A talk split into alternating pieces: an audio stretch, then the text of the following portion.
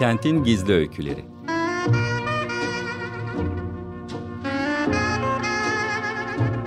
Kentin isimsiz kahramanları ve ilham veren yaşamları.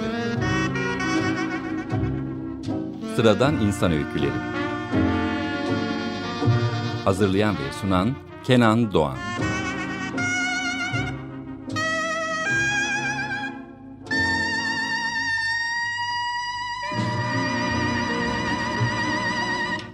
Kentin Gizli Öyküleri programından sesimizin ulaştığı her yere, herkese merhaba. Ben Kenan Doğan. İki haftada bir salı günleri saatlerimiz 16'yı gösterdiğinde Açık Radyo mikrofonlarından sizlerle buluştuğumuz ve gerçek yaşamdan ilham veren yaşam öykülerini sizlerle tanıştırdığımız, paylaştığımız Kentin Gizli Öyküleri programı başlıyor efendim. Hoş geldiniz programımıza.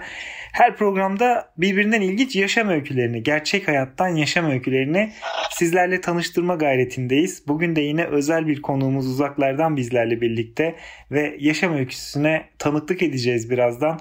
Merakla bekliyorum bakalım bize neler anlatacak bugünkü konuğumuz sevgili Ahmet Öncel. Ahmet hoş geldin programımıza. Merhabalar Kenan. Merhabalar nasılsın? Çok teşekkür ederim sağ ol. Sen nasılsın iyi misin? Çok çok çok teşekkürler. Ben de iyiyim. Beni konuk ettiğin için ayrıca teşekkürler. Biz sana Heyecanlar teşekkür ediyoruz. Yaşam öykünü paylaşmayı kabul ettiğin bugün konuğumuz olduğun için asıl biz sana çok teşekkür ediyoruz. Eminim şu anda Açık Radyo evet. dinleyicileri de merakla bekliyordur Ahmet Öncel kim diye. O yüzden hiç vakit kaybetmeden bu güzel yaşam öyküsünü paylaşman için sözü sana bırakmak istiyorum. Ve ilk sorum Ahmet Öncel'in yaşam öyküsü nerede, ne zaman, nasıl başladı? Şimdi benim öyküm bir Anadolu e, kentinde böyle mutlu bir çocuklukla başladı. Çok güzel bir çocukluk geçirdim böyle. Bol bol oyunlar oynadık. Bizim böyle bir köyümüz vardı abi. O köyde doğayla iç içe böyle işte e, kentte yaşıyorduk ama babamın işi gereğiyle. Evet. Ama e, bol bol koyun güttüm. Arkadaşlarımla böyle e, doya doya oyun oynadım. İşte e, köy hayatını yaşadım oradaki yaşlı dedelerle. O, o Anadolu kültürüyle büyüdüm.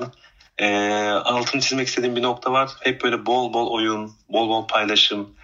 Bu e, süreçte böyle çok mutlu bir çocuktum. Mutlu bir çocukluk geçirdim. Ne güzel. Ahmet ee, istersen e, şehrini, doğduğun şehri, hayata gözlerini açtın, merhaba dediğin şehri de paylaşalım. Hangi şehirde dünyaya geldin? Konya Akşehir. Konya Akşehir'de dünyaya geldim. Konya evet. Akşehir'de böyle küçük bir köyü var. Can Kurtaran Köyü. Bir yörük köyüdür e, hala böyle çok e, dinamik, insanların kültürüne çok bağlı olduğu, doğayla içe böyle hoş bir e, yörük e, köyüdür. E, orada büyüdük. Oralarda böyle bu bahsettiğim çocukluğu geçirdik. E, ben kendimi çok şanslı görüyorum Kenancığım. Bu dönemde özellikle hep böyle geriye hep herkes nerede o eski bayramlar, nerede çocukluklar, biz böyleyken, biz şöyleyken hep anlatılıyor ya. Evet. Aslında o devri hakikaten böyle doya doya yaşadık. İşte bunları ee, şu anda belki biraz daha büyüdük. Çocuklarımızda bu yaşantıları göremediğim için üzüntü diyoruz ama aslında e, hala böyle bir umut olduğunu düşünenlerdenim. Ne güzel. Ee, ve evet. İstersen biraz o yıllara dönelim. Yavaş yavaş anlata anlata gelelim. Ee, Konya'da, evet. e, Konya'nın Akşehir ilçesinde e, bir Yörük köyünde hayata gözlerini açtın diyebiliriz. Ve Yörük kültürünün zaten doğayla iç içe, doğayla uyum içinde yaşayan bir kültürün e, içinde hayata merhaba demiş. E, şanslı bir çocuksun. Tabi zorlukları da vardır evet. muhakkak ama senin de söylediğin kesinlikle, gibi kesinlikle. çocukluğun doğayla iç içe ve oyunlarla o doğanın içindeki keşiflerle geçen bir çocuksun. Özellikle şimdinin çocuklarıyla kıyasladığımızda e, herhalde Kentin Gizli Öyküleri programında da aldığımız her konuğumuzdan sıkça duyduğumuz şu anki nesle göre daha doğayla iç içe, daha sokaklarda oynayan ve oyunla büyüyen e, tabletlerle, ekranlarla değil e, birbirimize ile beraber e, etkileşimle e, oyunlarla büyüyen nesildik. Dolayısıyla sen de öyle bir çocukluk evet. yaşamışsın. Hala umut var dedim. Bu taraflara geleceğiz az sonra hikayeni anlattıkça. Evet. Peki nasıl bir çocuktun? Evet. Doğanın içerisinde o oyunlarla büyüyen Ahmet nasıldı? Baktığında bugünden ne düşünüyorsun o Ahmet hakkında? Yani şöyle oradaki oyun süreci daha doğrusu e, hep şey vardır böyle karneyi aldığınızda 15 tatil diye bir şey vardı ya da işte yaz tatili. Kentte yaşayan çocuklar bile herkes bir köye göç ediyordu böyle hani e, biz de e, işte babam memur olduğu için e, şehirdeydik ama hep böyle içimde e, özellikle beni böyle koyun gütmeye işte dayım dedem işte e, ailemin birçoğu böyle hayvancılıkla uğraştığı için özel bir ilgim vardı. Böyle çok severdim koyunu. Hatta böyle benim kuzum vardı. O büyüdü. Böyle sürüye dönüştü. Bir sürü böyle bir paylaşım süreci oldu.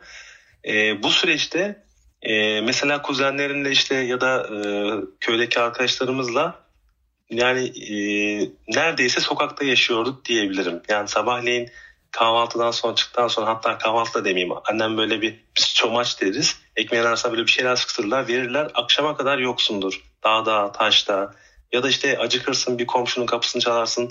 içeri girer bir şeyler yer çıkarsın. Yani böyle doya doya bu süreci yaşadık. Tabii kentlerde bu çok, çok ıı, mümkün değildi. Köyde de tabii şu ortamı verdiği bir rahatlık bu. Herkes birbirini tanıyor ve e, güvenli bir ortam. Eski eskiden böyle değildi hep ifadesini kullanıyoruz ama aslında şu anda çocuklarda yaşadığımız o güven ortamı e, güvensizlik ortamı şu anki. O zaman e, bu tarz kaygılar yoktu. Mesela ben şeyi anlatmak isterim. Bizim bir arabacılık oyunumuz vardı. Ben bunu şeye benzetiyorum. E, şu an e, var ya böyle e, masa oyunu, e, bankacılık oyunları işte e, bir şeyler alıyoruz, satıyoruz, evet, kutu oyunları. var. Bir, kutu oyunları ismini evet. vermedim. E, bu oyunların e, aslında ilkel versiyonları biz arabacılık oynardık. Bizim köyde kızıl bir toprak yani bu aslında tuğla yapımına elverişli bir toprağın olduğu bir tepe vardı. Biz orada çok iyi hatırlıyorum. Bizim üst dönemlerle yani birkaç yaş büyüklerimizin kurguladığı bir oyunu biz bir nevi devraldık. O oyunda şöyle bir şey. Petrolcü vardı, işte hayvancılar vardı, cevizler inek olurdu, işte e, taş parçaları tavuk olurdu. İşte onları biz 3 cevize 5 bilmem ne satardık. Yollar açılırdı. Yani orada sürekli devam eden bir oyun ortamı vardı. Birileri çıktığında yeni birisi girerdi. Oraya ev yapım süreci olurdu. Bu aylarca yıllarca süren bir oyundu. Bunu çok net hatırlıyorum. Hatta bazen bana garip gelir.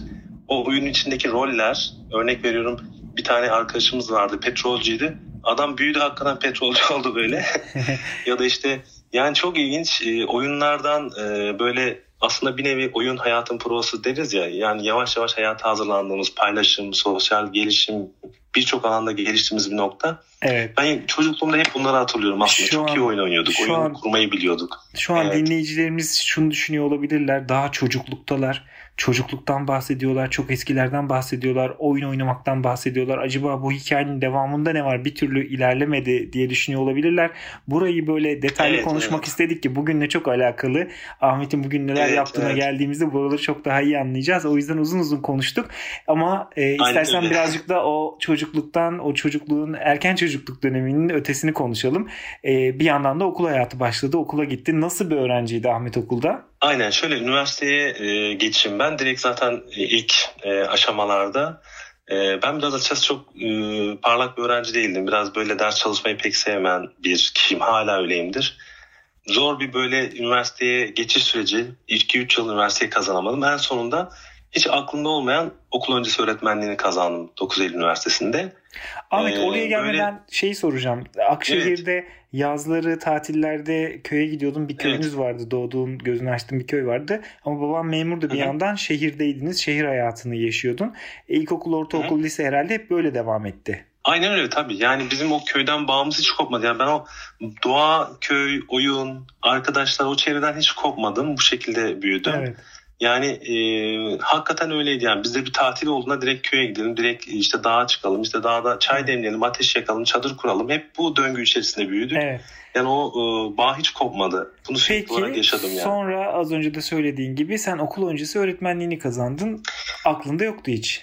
Evet hiç aklım olmayan bir bölüm olarak ona atandım. Hatta çevremden de böyle ya işte kız mesleği ne yapıyorsun sen emin misin? İşte e, bu biraz şöyle söyleyeyim bir 15 yıl 16 yıl öncesinden bahsediyoruz. O zaman okul öncesi öğretmenliğinde bu kadar yaygın e, e, erkek e, arkadaşlar çok faydalanmıyordu. Yani daha doğrusu bu süreçte çok fazla erkek göremiyordunuz. Evet. Ee, Mesleklerin cinsiyeti olmadığını ve bu Aynen. kalıplara da tamamen karşı olduğumuzu bir kere daha belirtelim. Kadın mesleği, Tabii, erkek mesleği gibi meslekleri evet. kabul etmiyoruz. Kalıpları kabul etmiyoruz. Mesleklerin cinsiyeti olmadığını düşünüyoruz. Her işi evet, ben yapabileceğini inanıyoruz. En derinden yaşayanlardan birisi olarak bu süreci şöyle yaşadım. Yani okul öncesi öğretmenliği biliyorsunuz daha çok çocuk bakımı e, algısıyla e, ön planda olan bir meslek. E, üniversiteye gittiğimizde 40 e, kişilik sınıfta sadece 3 tane erkek vardık. Evet. Sonra tabii bu şey hani e, toplumun hani söylediklerinden ziyade e, bir süreç ilerledi. İşte e, okulu bitirdim. Ben tabii okulu bitirince kadar birkaç tane arkadaşım, erkek arkadaşlarım okula bırakanlar da oldu. Sonra ben e, bir köye atandım. 12 ee, yıl önce Gaziantep'in bir e, dağ köyüne atandım. E, bu süreçte de e, yine bir köye dönüş oldu benim için. Çünkü e, İzmir'de ya da işte diğer kent yaşamında ne kadar da olsa biraz ergenlik işte biraz daha bu biliyorsunuz internet kafeler açıldı biraz daha cep telefonunun hayatımıza hızlı bir giriş oldu sürekli olarak böyle bu heyecanlar içerisinde biraz e, o eski bahsettiğim çocukluktan biraz uzaklaştım mı acaba diye düşünüyorum. Yok yine köye gittik ama tabii ki e, bazı şeyler değişiyor zamanla. Köye atandığımda direkt e, o küçüklüğümdeki köyü gördüm tekrar. Böyle hakikaten e, çocukların e, doya doya oynadıkları, sokakta çok ciddi vakit geçirdikleri, sürekli olarak paylaşımda bulundukları bir nevi böyle özlem duyduğum bir ortam karşıma çıktı. Çok böyle keyifli bir öğretmenlik yaptım orada. Yaklaşık 3 yıl kadar Gaziantep köyünde görev yaptım ve e, geriye baktığımda öğretmenlik hayatımdaki en keyif aldığım, böyle en dokunaklı anları yaşadığım, hala insanlarla iletişimde geçtiğim bir dönemdir o. Hala köydeki amcalarla görüşürüz. Hala oradaki çocuklarla iletişim halindeyizdir ve hala burnumda tutar öyle diyeyim bu anları. O köy sürecinden sonra da e, böyle yani e, tabii ki ihtiyaçlar değişti işte evlilik ve benzeri şeyler hayata geçince tekrar işte e, Gaziantep merkeze atandım. Sonra da İstanbul'a tayin çıktı gibi bir süreç böyle ilerledi gitti. Peki öğretmenlik hayatının geriye dönüp baktığında en unutulmaz anılarını barındıran Gaziantep günleri. Gaziantep'teki o köy okulundaki öğretmenlik sürecinden sonra evet. Gaziantep merkez önce sonra da İstanbul'a tayin olan bir öğretmen Ahmet. İstanbul'a geldin. Evet. Ee, önce doğup büyüdüğün e, topraklardan çok daha uzakta Gaziantep gibi bambaşka bir kültürde bambaşka bir yapıda ama çok benzer hayatları e, benzer çocukları kendi çocukluğunla aslında özdeşleştirdiğin çocuklukları yaşayan çocukları bulduğun bir e, topraktan bir coğrafyadan bu sefer e, bir büyük şehire megapole e, karmaşanın orta yerine İstanbul'a geldin. Geldikten sonra neler oldu? Sonra şöyle e, tabii bu şeyde e, Gaziantep'te çok güzel günler geçirdim de şunu da atlamadan e, ya atlamak istemem. Mesela e, biraz önce bahsettiniz ya e, mesleklerin e, cinsiyeti olmaz. Evet. E, köye ilk atandığımda şey süreçleri çok ilginçti. Şimdi e, bir de bizim bu üniversitedeki sürecimizi oradaki köylü halktan e, aynı şekilde gördüm. Ben işte bir okul öncesi öğretmeni atanıyormuş diye tabii haber geldi köye. Bizim küçük bir köy okulumuz vardı. Ondan sonra oradaki halk e, benim er, erkek olduğumu duyunca bayağı bir çocukları okula yollamadılar. Yani e, küçük çocuklara nasıl bakacak bu kadın değil, nasıl olacak, ne gidecek diye böyle çok ilginç anlar yaşadım. Hatta daha ilginç bir şey paylaşayım sizinle. Bir gün müdür bey beni aradı. Hocam dedi seni istemeye gelenler var. Aşağı gelebilir misin dedi. Dedim nasıl hocam? Dedi burada dedi e, genelde böyle bir meslek sahibi olan birileri hani öğretmen bayan arkadaşlarla böyle tanışmak isterler falan diye. Ana sınıf öğretmenleri de genelde bayan olduğu için ana sınıf öğretmeninizle tanışabilir miyiz demişler. Ben de aşağı gidince köylü çok şaşırmış. Nasıl yani erkek mi söylediniz diye. Böyle ilginç olaylar yaşadık orada. Tabii şöyle bir şey. 3 yıllık süreçte yani köylüyle öyle bağ kurdum ki arkamdan yani ağlayanlarla ayrıldım oradan. Ne güzel. Ee, yani aslında şöyle bir hani süreç diyebiliriz buna. Tabii ki insanların e, ön yargılarını yıkmak, orada o bağ kurmak tabii ki zorlu ama imkansız değil. Bir şekilde yani iyi bir e, iz bırak ayrıldığımı düşünüyorum oradan. Hala dediğim gibi o izleri e, yaşıyorum. Sonrasında da İstanbul'a metropole geldik. E, Milli Eğitim'de şöyle bir şey var. Milli Eğitim Bakanlığı'nın e, bünyesinde çalışırken tabii belli bir çerçeve var. E, bunun içerisinde elinden gelenizi yapıyorsunuz. E, bazı öğretmen arkadaşlar çok yakınırlar Milli Eğitim Bakanlığı'nda işte e, bir şeyler istedikleri yapamadıklarından. Ama bence şöyle bir şey var. Milli Eğitim Bakanlığı size e, kazanımları verir. Onun içerisindeki teknik yöntem sizin e, yani yolunuzu siz çizersiniz. Teknikleriniz, yöntemlerinizi siz belirlersiniz. O anlamda e, ben hani köy okulundayken daha böyle özgür çalıştığımı, daha böyle işte istediğim o doğa, çocukluk, kültür bunları daha iyi yaşayabildiğini düşünürken kent yaşamında tabii ki biraz daha e, böyle e, doğa yok. İşte biraz daha biliyorsunuz İstanbul'un o yoğun hayatı var.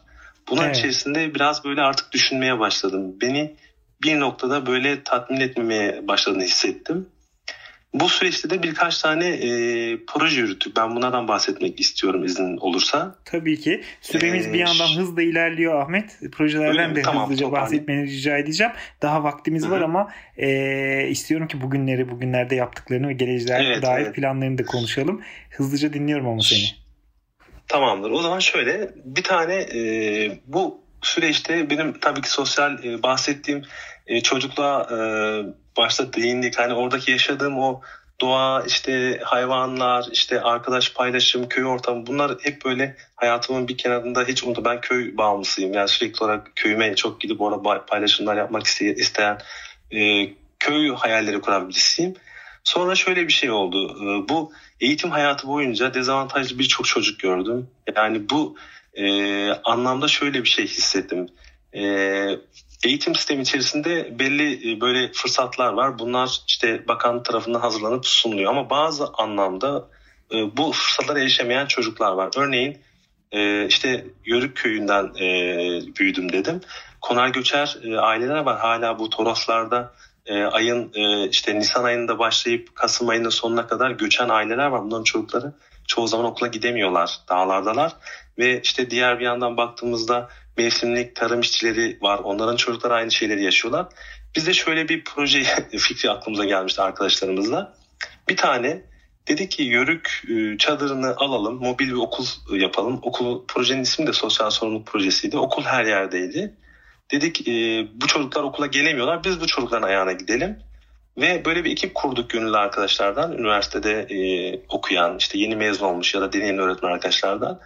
E, belli birkaç nokta belirledik. Bu e, noktalarda e, okulun içerisinde böyle tabii ki mobil olduğu için çok donanımlı bir okul ortamı olmadı ama en azından çocukların gün içerisinde gelip etkinlik yapabilecekleri ya da bizim onlarla paylaşım yapabileceklerimiz bir ortam kurguladık. Sonra e, şöyle bir olay yaşadık. E, burada e, bizim düşündüğümüzle oraya gittiğimizdeki e, ortam hiç birbirini tutmadı. Biz ilk gün gittiğimizde çadırı kurduk. İşte ailelerle görüştük. Biz burada gün içerisinde etkinlik yapacağız. Saat 9'da çocuklar gelsinler. Akşam 5'te gitsinler. Ama e, şuraya gelmek istiyorum. Şimdi bizim e, çocukları e, böyle e, profesyonel işte e, pahalı ekipmanlarla işte e, materyallerle gittik. Çocuklara evet. bir umut olarak gittik. Ama kaldığımız günün akşamında biz orada dezavantajlı duruma biz düştük. Çocuklar değil biz. Çünkü doğa ortamına uyum sağlayabilme becerilerimiz zayıf. Yani e, affedersiniz arkadaşlarımız çocuklara nasıl tuvalet yapabileceklerini sorar hale gelmişler. Ben dedim ki arkadaşlar yani burada bizim bir eksiğimiz var.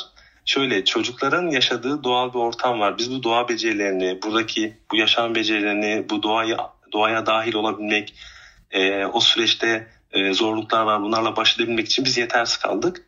Ayağımızda bizim e, çok pahalı ayakkabılar var. Kıyafetlerimiz, fenerlerimiz, her şeyimiz hazır ama ayağında çıplak e, ya da işte üstündeki kıyafeti tam olmayan bir çocuk bizim orada öğretmenimiz oldu. Biz bu haftayı o kadar dolu dolu geçirdik ki ben de bir ışık yaktı bu süreç.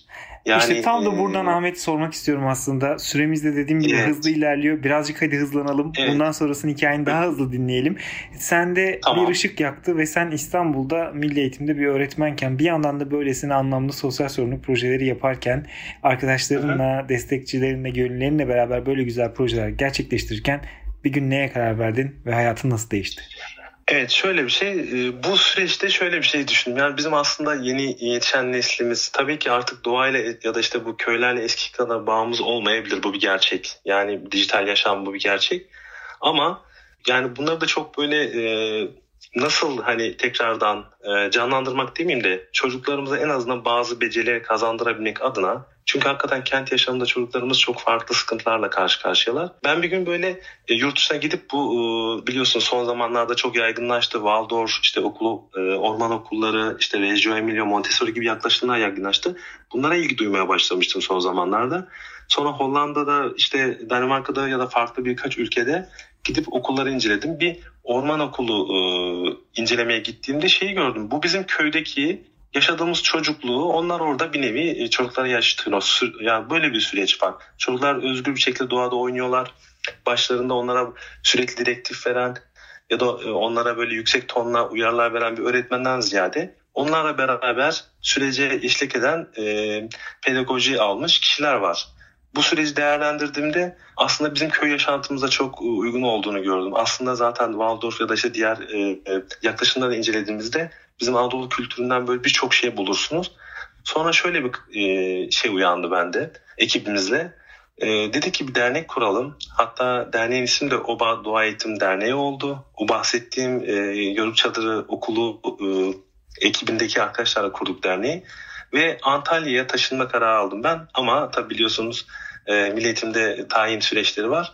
Bir gün böyle e, bu kararı ciddi bir karar istifa kararı aldım ve okuluma istifamı sundum. Çok, çok böyle şaş, şaşırdı insanlar niye istifa ediyorsun diye. Ben dedim farklı işlerle ve farklı bir süreçle ilerlemek istiyorum. Ve Antalya'ya geldik. Burada e, yine e, Konyaaltı civarlarında köylerle gezerek orada yer baktık böyle günlerce. Ve bir gün bir yer bulduk. E, tabii finansal bir kaynak gerekiyor. Bir tane böyle bir e, elimizde barkımız olan şeyleri sattık ve işte o yeri kiraladık 10 yıllığına ve derneğimizin oraya ilk binasını yaptık.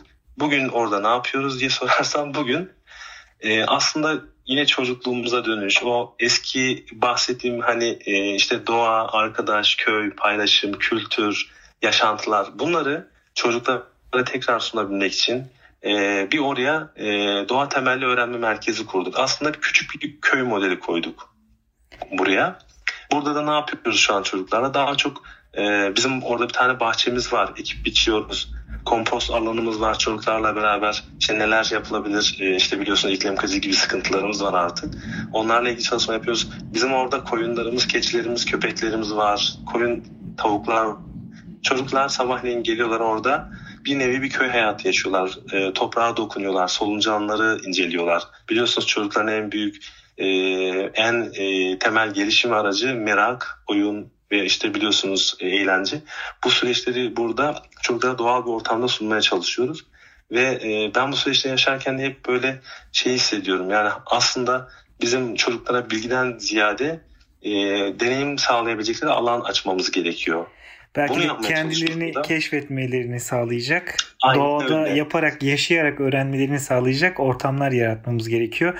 Bir kere de altını çizelim. Milli eğitimde öğretmenken yani devlet memuruyken e, bir anda bir şeyler eksik ve biz yanlış yapıyoruz. Çocuklara böyle öğretmememiz lazım aslında. Birazcık çocuklar doğadan kendileri keşfetmeli deyip öğretmenlikten istifa edip bir dernek kurup arkadaşlarıyla beraber Antalya'ya gidip bir arazi bulup onu kiralayıp elde avuçta ne varsa hepsini satarak e, oradaki elde ettiği kaynakla e, bir e, doğa temelli öğrenme merkezi kuran ve bugün çocuklarla doğada yaparak, yaşayarak doğayı keşfetmelerini, çocukların öğrenmelerini sağlayan e, bir merkezin sahibisin e, ve öğretmenlik evet. yapacaksan böyle yapmalıyım diyen e, idealist bir insansın benim de gözümde. O yüzden bugün programımıza da sevgili Ahmet Önceli konuk almak istedik yaşam öyküsüyle. Ahmet yavaş yavaş sonuna doğru geliyoruz programımızın. Dolayısıyla da sormak istiyorum bundan sonrasına dair hayallerin, planların nedir? E, nasıl devam edecek bu öykü? Bu arada sadece çocuklar değil. E, biz burada yani şöyle e, bir yaşam e, ortamı düşünün, bir köy düşünün. O köyde sadece çocuklar yoktur. Bizim burada yaşlılar, işte e, kadınlar, işte e, bazen özel gereksinimi olan arkadaşlar, e, engelli bireyler, herkese yer var. Biz bazen orada böyle kamplar yapıyoruz, işte festivaller yapıyoruz. E, Birçok e, farklı kesimden bireyler gelip Orada çadır kuruyor, kamp kuruyorlar, sanat etkinlikleri yapıyoruz gün içerisinde. Kuş gözlemi yapıyoruz işte. Geçen mesela bir etkinlik yaptık böyle çok ilgi uyandırdı. Koyun kırpma atölyesi yaptık mesela. Bir tane koyunumuz var. Onun e, biliyorsunuz e, Mart geldiğinde artık e, havalar ısınmaya başlıyor Nisan, Mayıs gibi. Onun çocuklarla beraber bir dedemiz aracılığıyla, çoban amcamız aracılığıyla günlerini kırptık, onları yıkadık, onu e, işte sanatsal etkinliklere çevirdik ve benzeri. Aslında süreci yaşayarak, biraz önce bahsettiğim gibi yaşayarak, deneyimleyerek e, bunu e, süreci tamamladık. Sevgili bunu Ahmet, sonuna geldik. Artık sonlardayız. Evet. O yüzden son soru e, hem geleceğe dair hızlıca planını hem de bugün dinleyicilerimize son mesaj, son cümle ne söylersin onu hızlıca duyalım senden. Yani geleceğe yönelik dediğim gibi bu süreçte şu an için hani bir sonraki adımı çok e, farklı bir şey olarak düşünüyorum. E, bu doğa temelli öğrenme merkezimizde faaliyetlerimize devam etmeye çalışacağız. Daha çok farklı bireyleri e, burada ağırlamaya çalışacağız. Ben teşekkür ederim beni programa dahil, ettiğin için. İnşallah Antalya'ya gelirseniz yolumuzu içerisinde bekleriz. Konya altındayız. Çok teşekkür ee, ediyoruz. Böyle. Çok teşekkürler sevgili Ahmet. Bugün programımızın konuğu Ahmet Öncel'di. Az önce de dile getirdiğimiz üzere kendisi bir okul öncesi öğretmeni ama bakanlıkta öğretmenlik yaparken memuriyet hayatını sonlandırmayı, Antalya'ya gitmeyi ve orada doğanın içerisinde bir doğa temelli öğrenme merkezi kurarak sadece kendisinde söylediği gibi çocukların değil her yaştan insanın doğadan öğrenecekleri var, doğada keşfedecekleri var diyerek onları bir çatı altında buluşturmaya çalışan, eğitimler veren, bambaşka bir yaşamın, bambaşka bir öğrenme sürecinin mümkün olduğunu kanıtlamaya çalışan idealist bir arkadaşımız da idealist bir öğretmendi. Hep e, yeri gelince altını çiziyoruz. Bazen okul dediğimiz dört duvar arası değil.